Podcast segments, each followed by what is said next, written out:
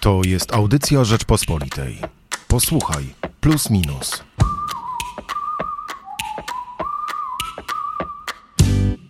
Dziś porozmawiamy o żywieniowych koszmarach Polaków, no, bo te robaki to zrobiły niesamowitą karierę w debacie publicznej, ale my tak naprawdę przyjrzeliśmy się im przez pryzmat e, krótkiej historii żywieniowych rewolucji, bo tak w plusie, minusie zatytułowaliśmy tekst Izabeli Popko, która trochę nam naświetla, jak to z robakami i z innymi potrawami przez historię ludzkości było. Porozmawiamy o tym dzisiaj w redaktorskim duecie. Nazywam się Michał Płociński. Hubert Salik.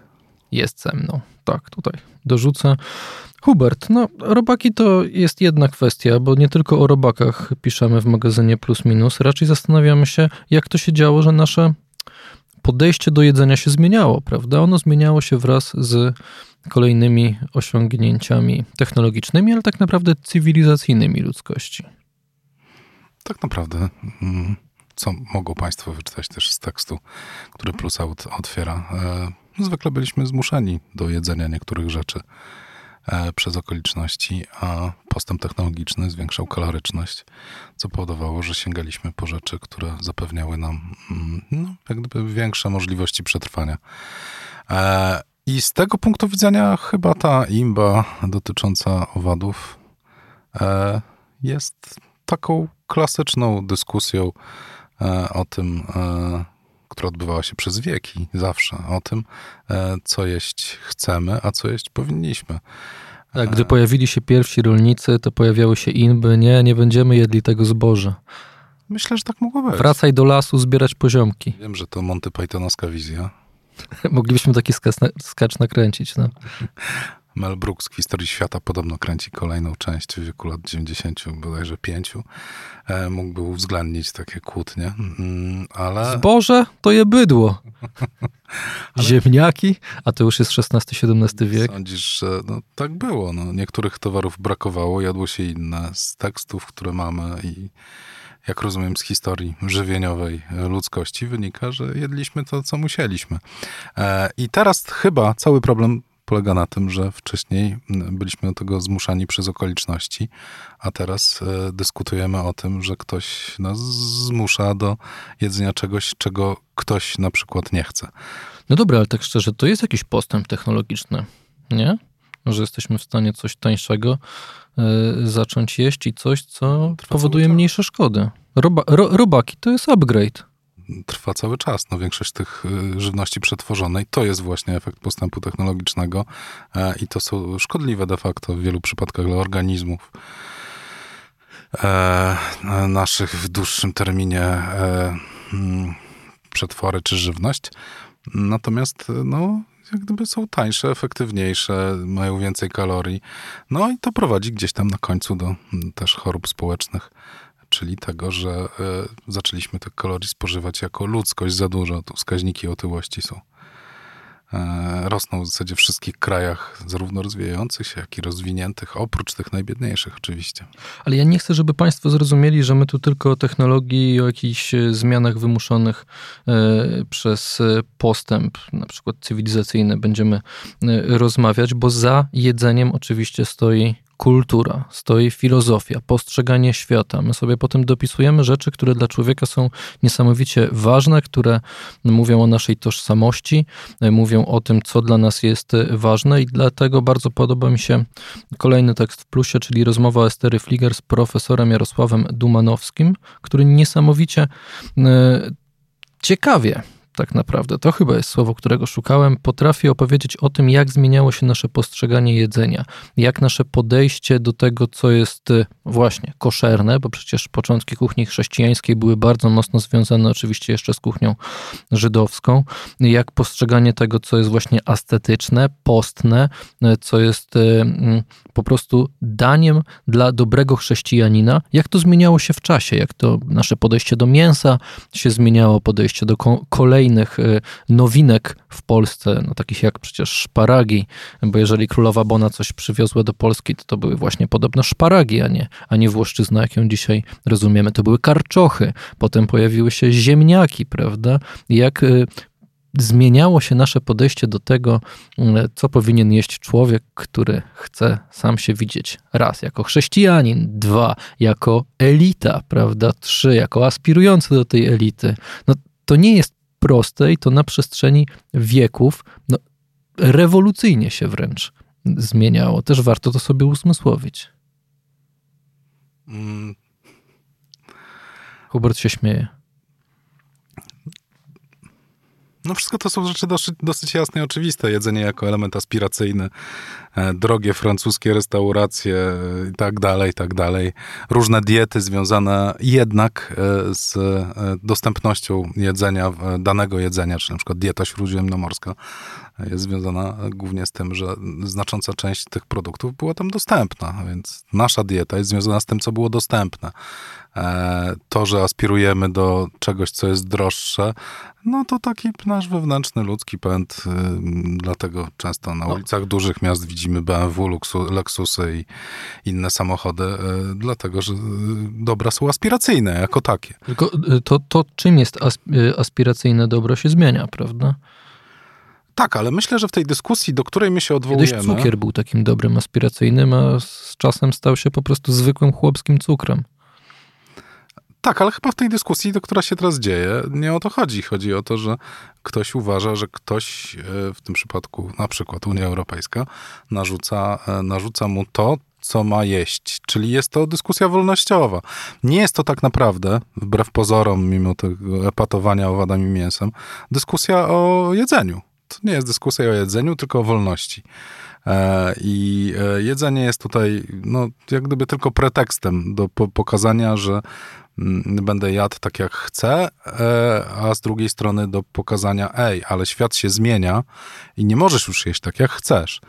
E, I teraz e, pytanie brzmi, czy będzie się myślało zdroworozsądkowo, czy będzie się myślało tak ale to zawsze chodzi o jakieś aspiracje. Wiesz, jak popatrzymy na mięso w PRL-u, które no przecież było niesamowicie ważne, prawda? Te wszystkie strajki o mięso, afery mięsne, prawda? Ludzie po prostu Mm, wierzyli w obietnicę, że przeprowadzka do miasta będzie oznaczała lepsze życie. Lepsze życie oznaczało, e, było symbolizowane przez jedzenie właśnie mięsa, tego, czego na wsi e, e, brakowało, czego na wsi przez wieki jedzono dużo mniej. I jak władza nie spełniała tych aspiracji, tak naprawdę nie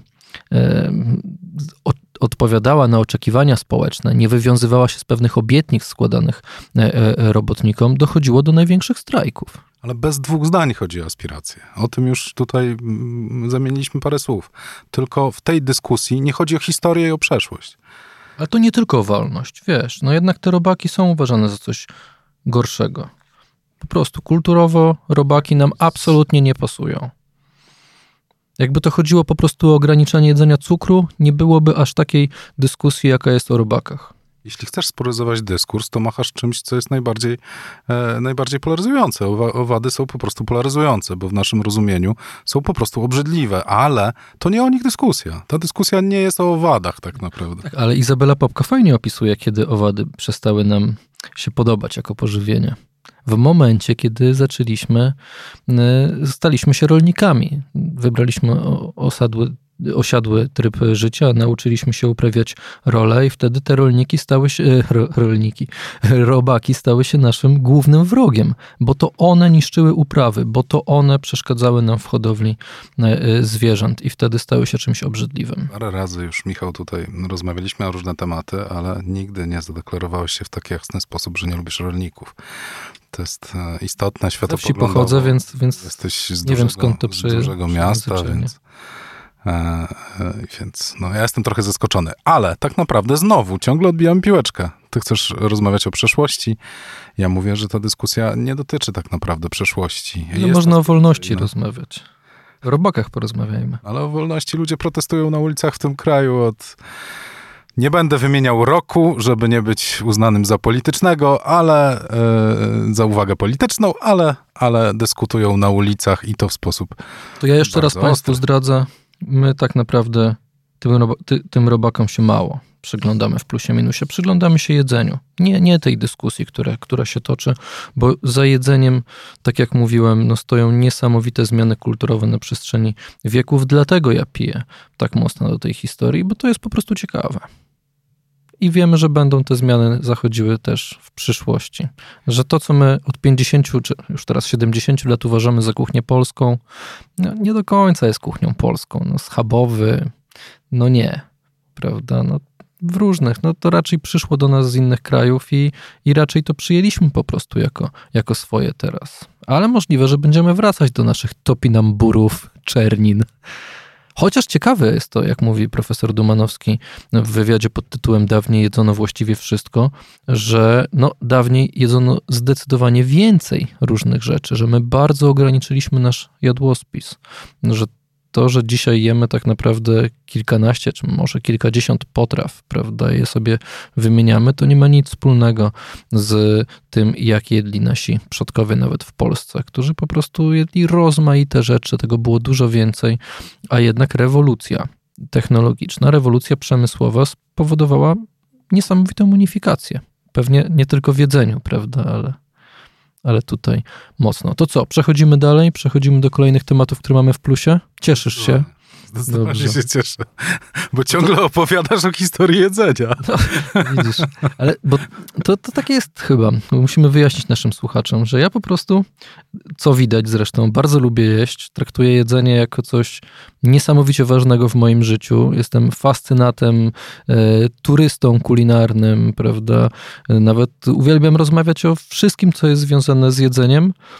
A, a ty takie do, do jedzenia masz trochę inne podejście, nie? Takie na spokojnie. To co myślisz o tych owadach? Jeśli e, o Spróbowałbym, wiesz? Zawsze, Dobrze, zawsze marzyłem, żeby ale... pojechać gdzieś na jakiś naprawdę daleki wschód i, i popróbować te wszystkie dziwne rzeczy, które tam są. E, nawet te takie już e, na pół wykluwające się jajka. Mam taką potrzebę, żeby to sprawdzić. Zamiast w etapie rozwoju e, obywatela naszego kraju, e, zamiast przygarnąć schabowego w kolejnym kroku, przygarnął świerszcze albo jakieś inne robaki, których nas nie znam, to, to tak? Zmieniłbyś dietę? Nie, nie wiem, nie wiem. Ja nie wiem, czy to jest smaczne, wiesz? To bardzo dużo od tego zależy, nie?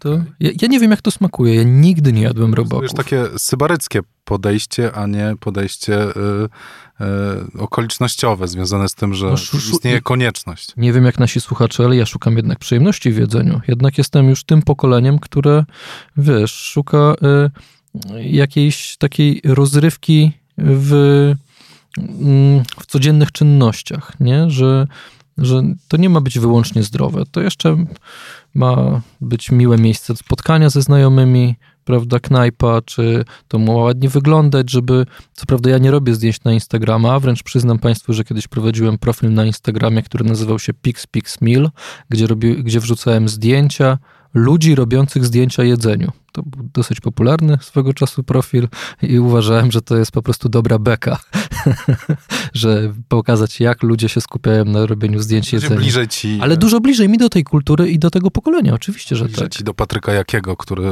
pokazuje jakie ten stek A podobał mi się ten stek, tak, podobał mi się. Bliżej ci do, do gdyby drugiej strony tego sporu, która mówi, no będziemy musieli, więc będziemy, te robaki mogą, no, będą w naszej diecie, już trochę są. No ale nie odrzucam tego. Możliwe, że zmiana, olbrzymia zmiana technologiczna, która będzie polegała na tym, że państwo, bo to często jest polityka odgórna, będzie e, e, dotować na przykład jakieś wielkie, e, nawet nie wiem jak powiedzieć, hodowle robaków, tak?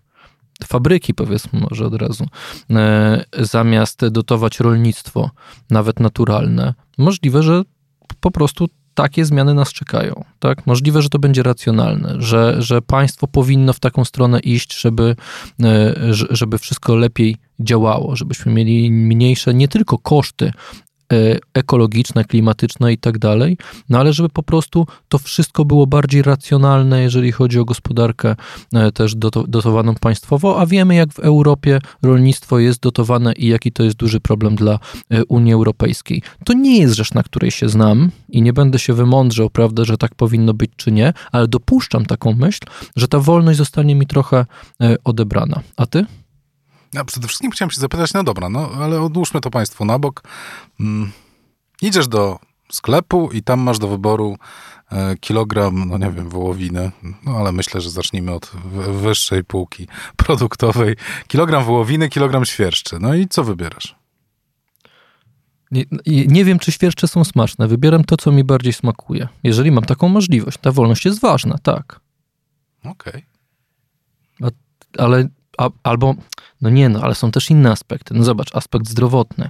No jeśli wiem, że wołowina mi szkodzi, jeśli mam jakieś pod, podwyższone, nie wiem, cholesterol, czy jakieś triglicerydy, czy coś, prawda, to zastanawiam się nad innymi też y, aspektami żywienia. Jeżeli by się okazało, że świerszcze na przykład są super zdrowe i dostarczają mi bardzo dużo białka i dzięki temu, nie wiem, e, moje e, tłuczenie się po siłowniach i po balonach, w których gram w piłkę, żeby zrzucić parę kilo, będzie bardziej skuteczne, no to jestem w stanie przemyśleć, że dobra, to ja zjem tofu, prawda, które nie ma smaku, zamiast pysznej wołowinki, no.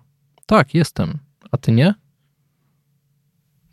Dla mnie trochę ten problem jest abstrakcyjny. Jeśli będę miał do wyboru tofu, które będzie dwa razy tańsze od wołowiny, to kupię to. to kupię to. nie ma smaku.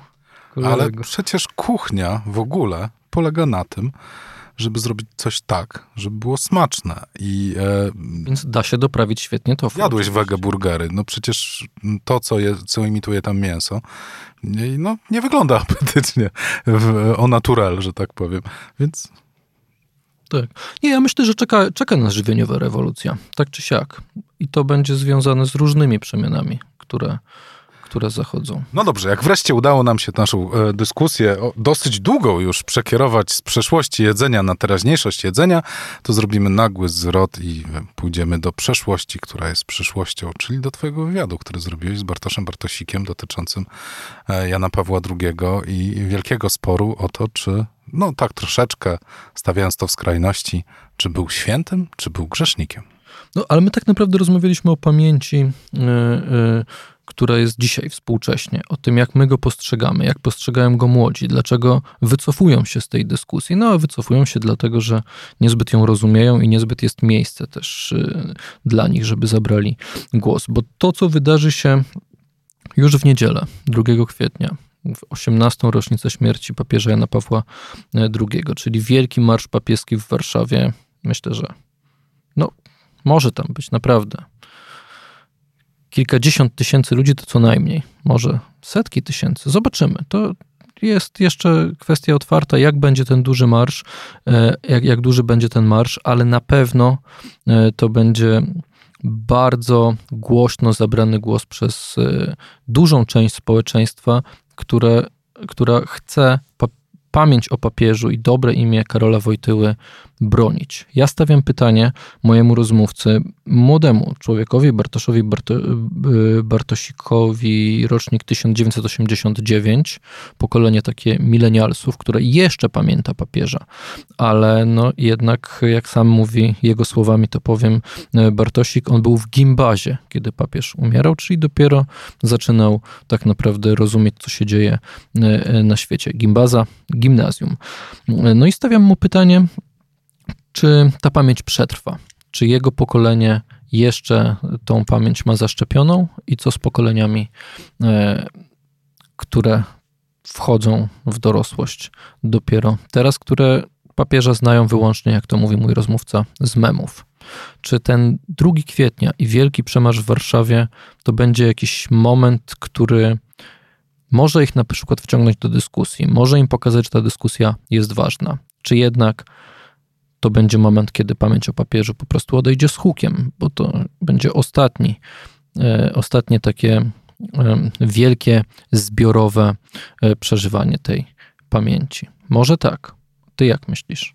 Bardzo mi się ten twój wywiad podoba, dlatego że mm, mm, twój rozmówca zwraca uwagę na mm, pokazuje, jak ta polaryzacja e, rozdziera trochę tą debatę e, i e, mówi o ten sposób zrównoważony. Widzi, że to są skrajności.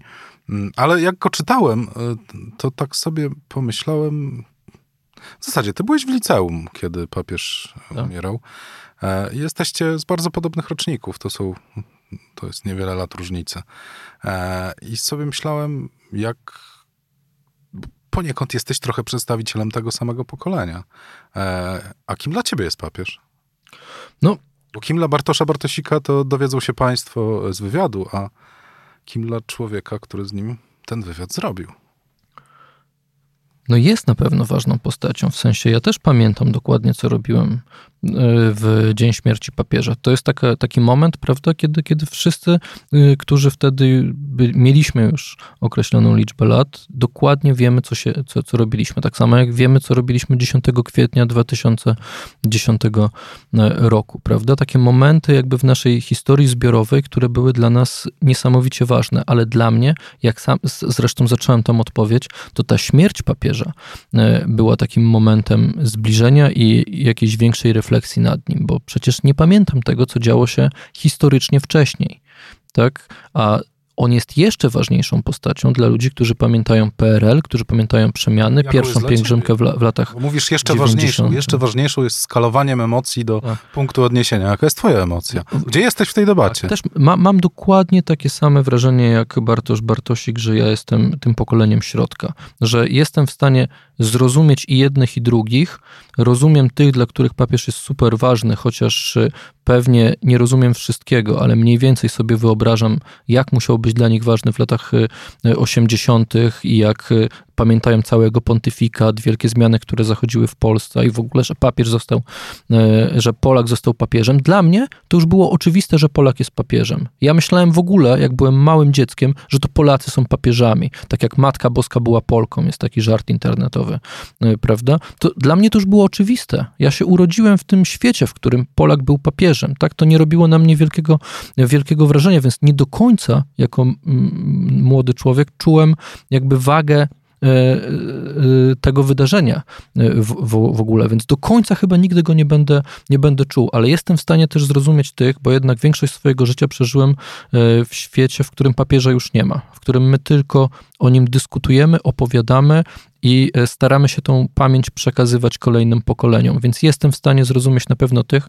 którzy papieża nigdy nie widzieli na oczy. No jednak byłem na mszy papieskiej e, e, na, na placu Piłsudskiego, jednak stałem, machałem do papamobile, prawda? A że dla nich to jest jednak, tak jak mówi tytuł naszego wywiadu w plusie minusie, papież, pan z memów. Oni innego papieża nie poznali też dlatego, że my, też starsze pokolenie ode mnie, no po prostu nie były w stanie tej pamięci przekazać. To jest bardzo ważne pytanie, czy taką pamięć w ogóle da się przekazać?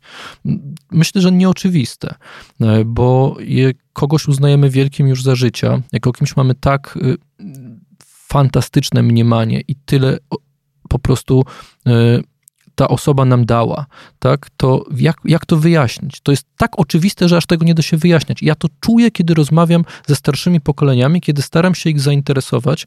E, mam kolegę historyka 60-letniego, e, któremu właśnie mówię, ale słuchaj, to jest ważne, że młodzież tego nie rozumie. On mówi, jak ma nie rozumieć? No przecież to niesamowicie ważna postać historyczna. Czego tu nie rozumieć, prawda? I oburza go w ogóle postawienie tego pytania, że ktoś może czegoś nie rozumieć, przecież to jest tak oczywiste. To prawda. Dla starszych pokoleń to jest tak oczywiste, że papież był ważną postacią, że nawet nie chcę tego wyjaśniać młodszym. To po prostu macie to przyjąć jako pewnik. I nie, nie dziwię się młodzieży, że, że trochę to odrzuca. To ciekawe, bo cała twoja wypowiedź jest związana, no, jest zbudowana na takiej dychotomii pokoleniowej. I tak odczuwam, że to jest super y, ważne w dzisiejszej dyskusji, wiesz? A to nie jest... Jest przepaść między pokoleniami. Dyskusja o tym, e, o starciu mitu z prawdą? Gdzie jest prawda, gdzie jest mit? Czy prawda e, może ten mit obalić? Czy mit jest silniejszy od prawdy? Może to pokolenia, e, pokolenia są sprawą wtórną, bo e, o Józefie Piłsudskim, którego nikt z nas nie widział na oczy, e, czytamy i debatujemy e, i jak gdyby nie, mo nie można tego odnieść do e, sytuacji pokoleniowej. Czyli gdybyśmy spojrzeli na papieża z perspektywy ludzi jeszcze, e, którzy dopiero się urodzili, czyli za tam za 20-30 lat. Może to, może ta, może ta pokoleniowa debata jest wtórna. Może tak naprawdę chodzi tu o coś innego. O to, czy e, e, jak silny jest mit, jak ten mit jest trwały, czy ten mit wiąże społeczeństwo, czy jakaś prawda e, tutaj oczywiście trwa debata, co jest prawdą, a co nie, jest w stanie ten mit obalić, czy, czy postać na pomniku jest postacią, która e, która jest bez skazy, czy y, gdzie jest pamięć o tej postaci, jaka jest ta pamięć. E, I to niekoniecznie musi być spór pokoleniowy.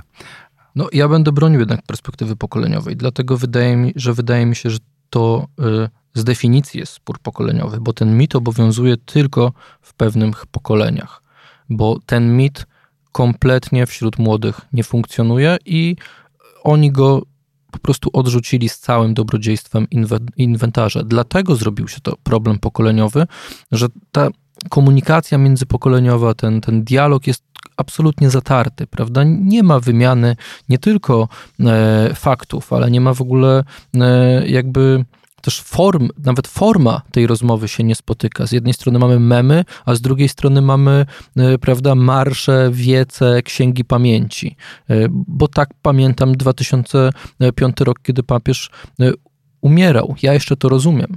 Młodsi tego nie rozumieją. Nie ma mitu w młodszym pokoleniu, więc oni dużo łatwiej dyskutują o nowych faktach, które, które trafiły do wiadomości e, publicznej. One zupełnie inaczej podchodzą już bez tego, bez tej nakładki, e, którą, którą tworzył ten mit, a ten mit w dużej części jest oczywiście prawdziwy, bo my, my, mówimy mit, tak? Używamy tego słowa, ale wyjaśnijmy. No to chodzi o to po prostu, jak ważną, istotną postacią XX wieku Kościoła e, w ogóle całej polskiej cywilizacji, jak mówił Aleksander Hall, e, że to przecież jedne, jedne, jakbyśmy mieli stworzyć najważniejsze postacie w ogóle, jeżeli chodzi o e, polskość i naród, i wszystko, co trwało przed powstaniem e, narodu i go budowało, prawda, no to możliwe, że Jan Paweł II po prostu jest najważniejszą postacią w historii.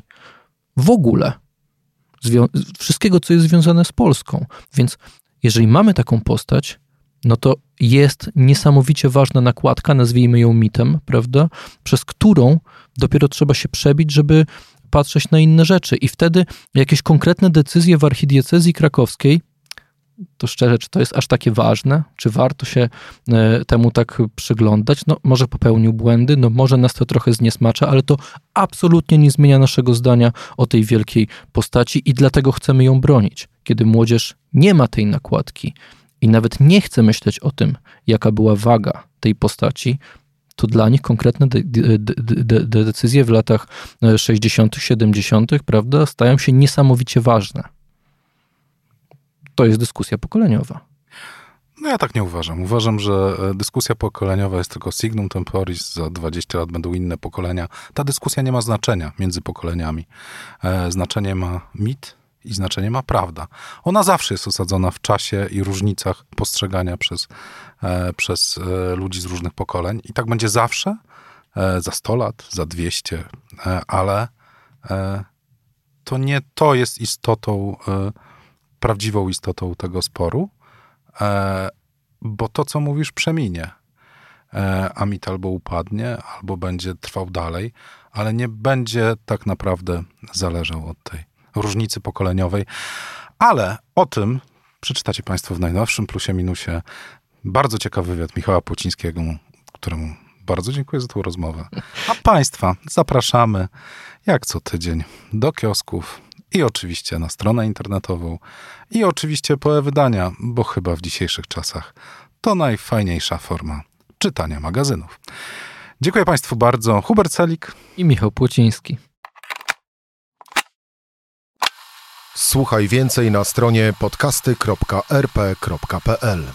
Szukaj Rzeczpospolita Audycje w serwisach streamingowych. Poznaj mocne strony Rzeczpospolitej. Wejdź na prenumerata rp.pl. Polecam. Bogusław Rabota, redaktor naczelny.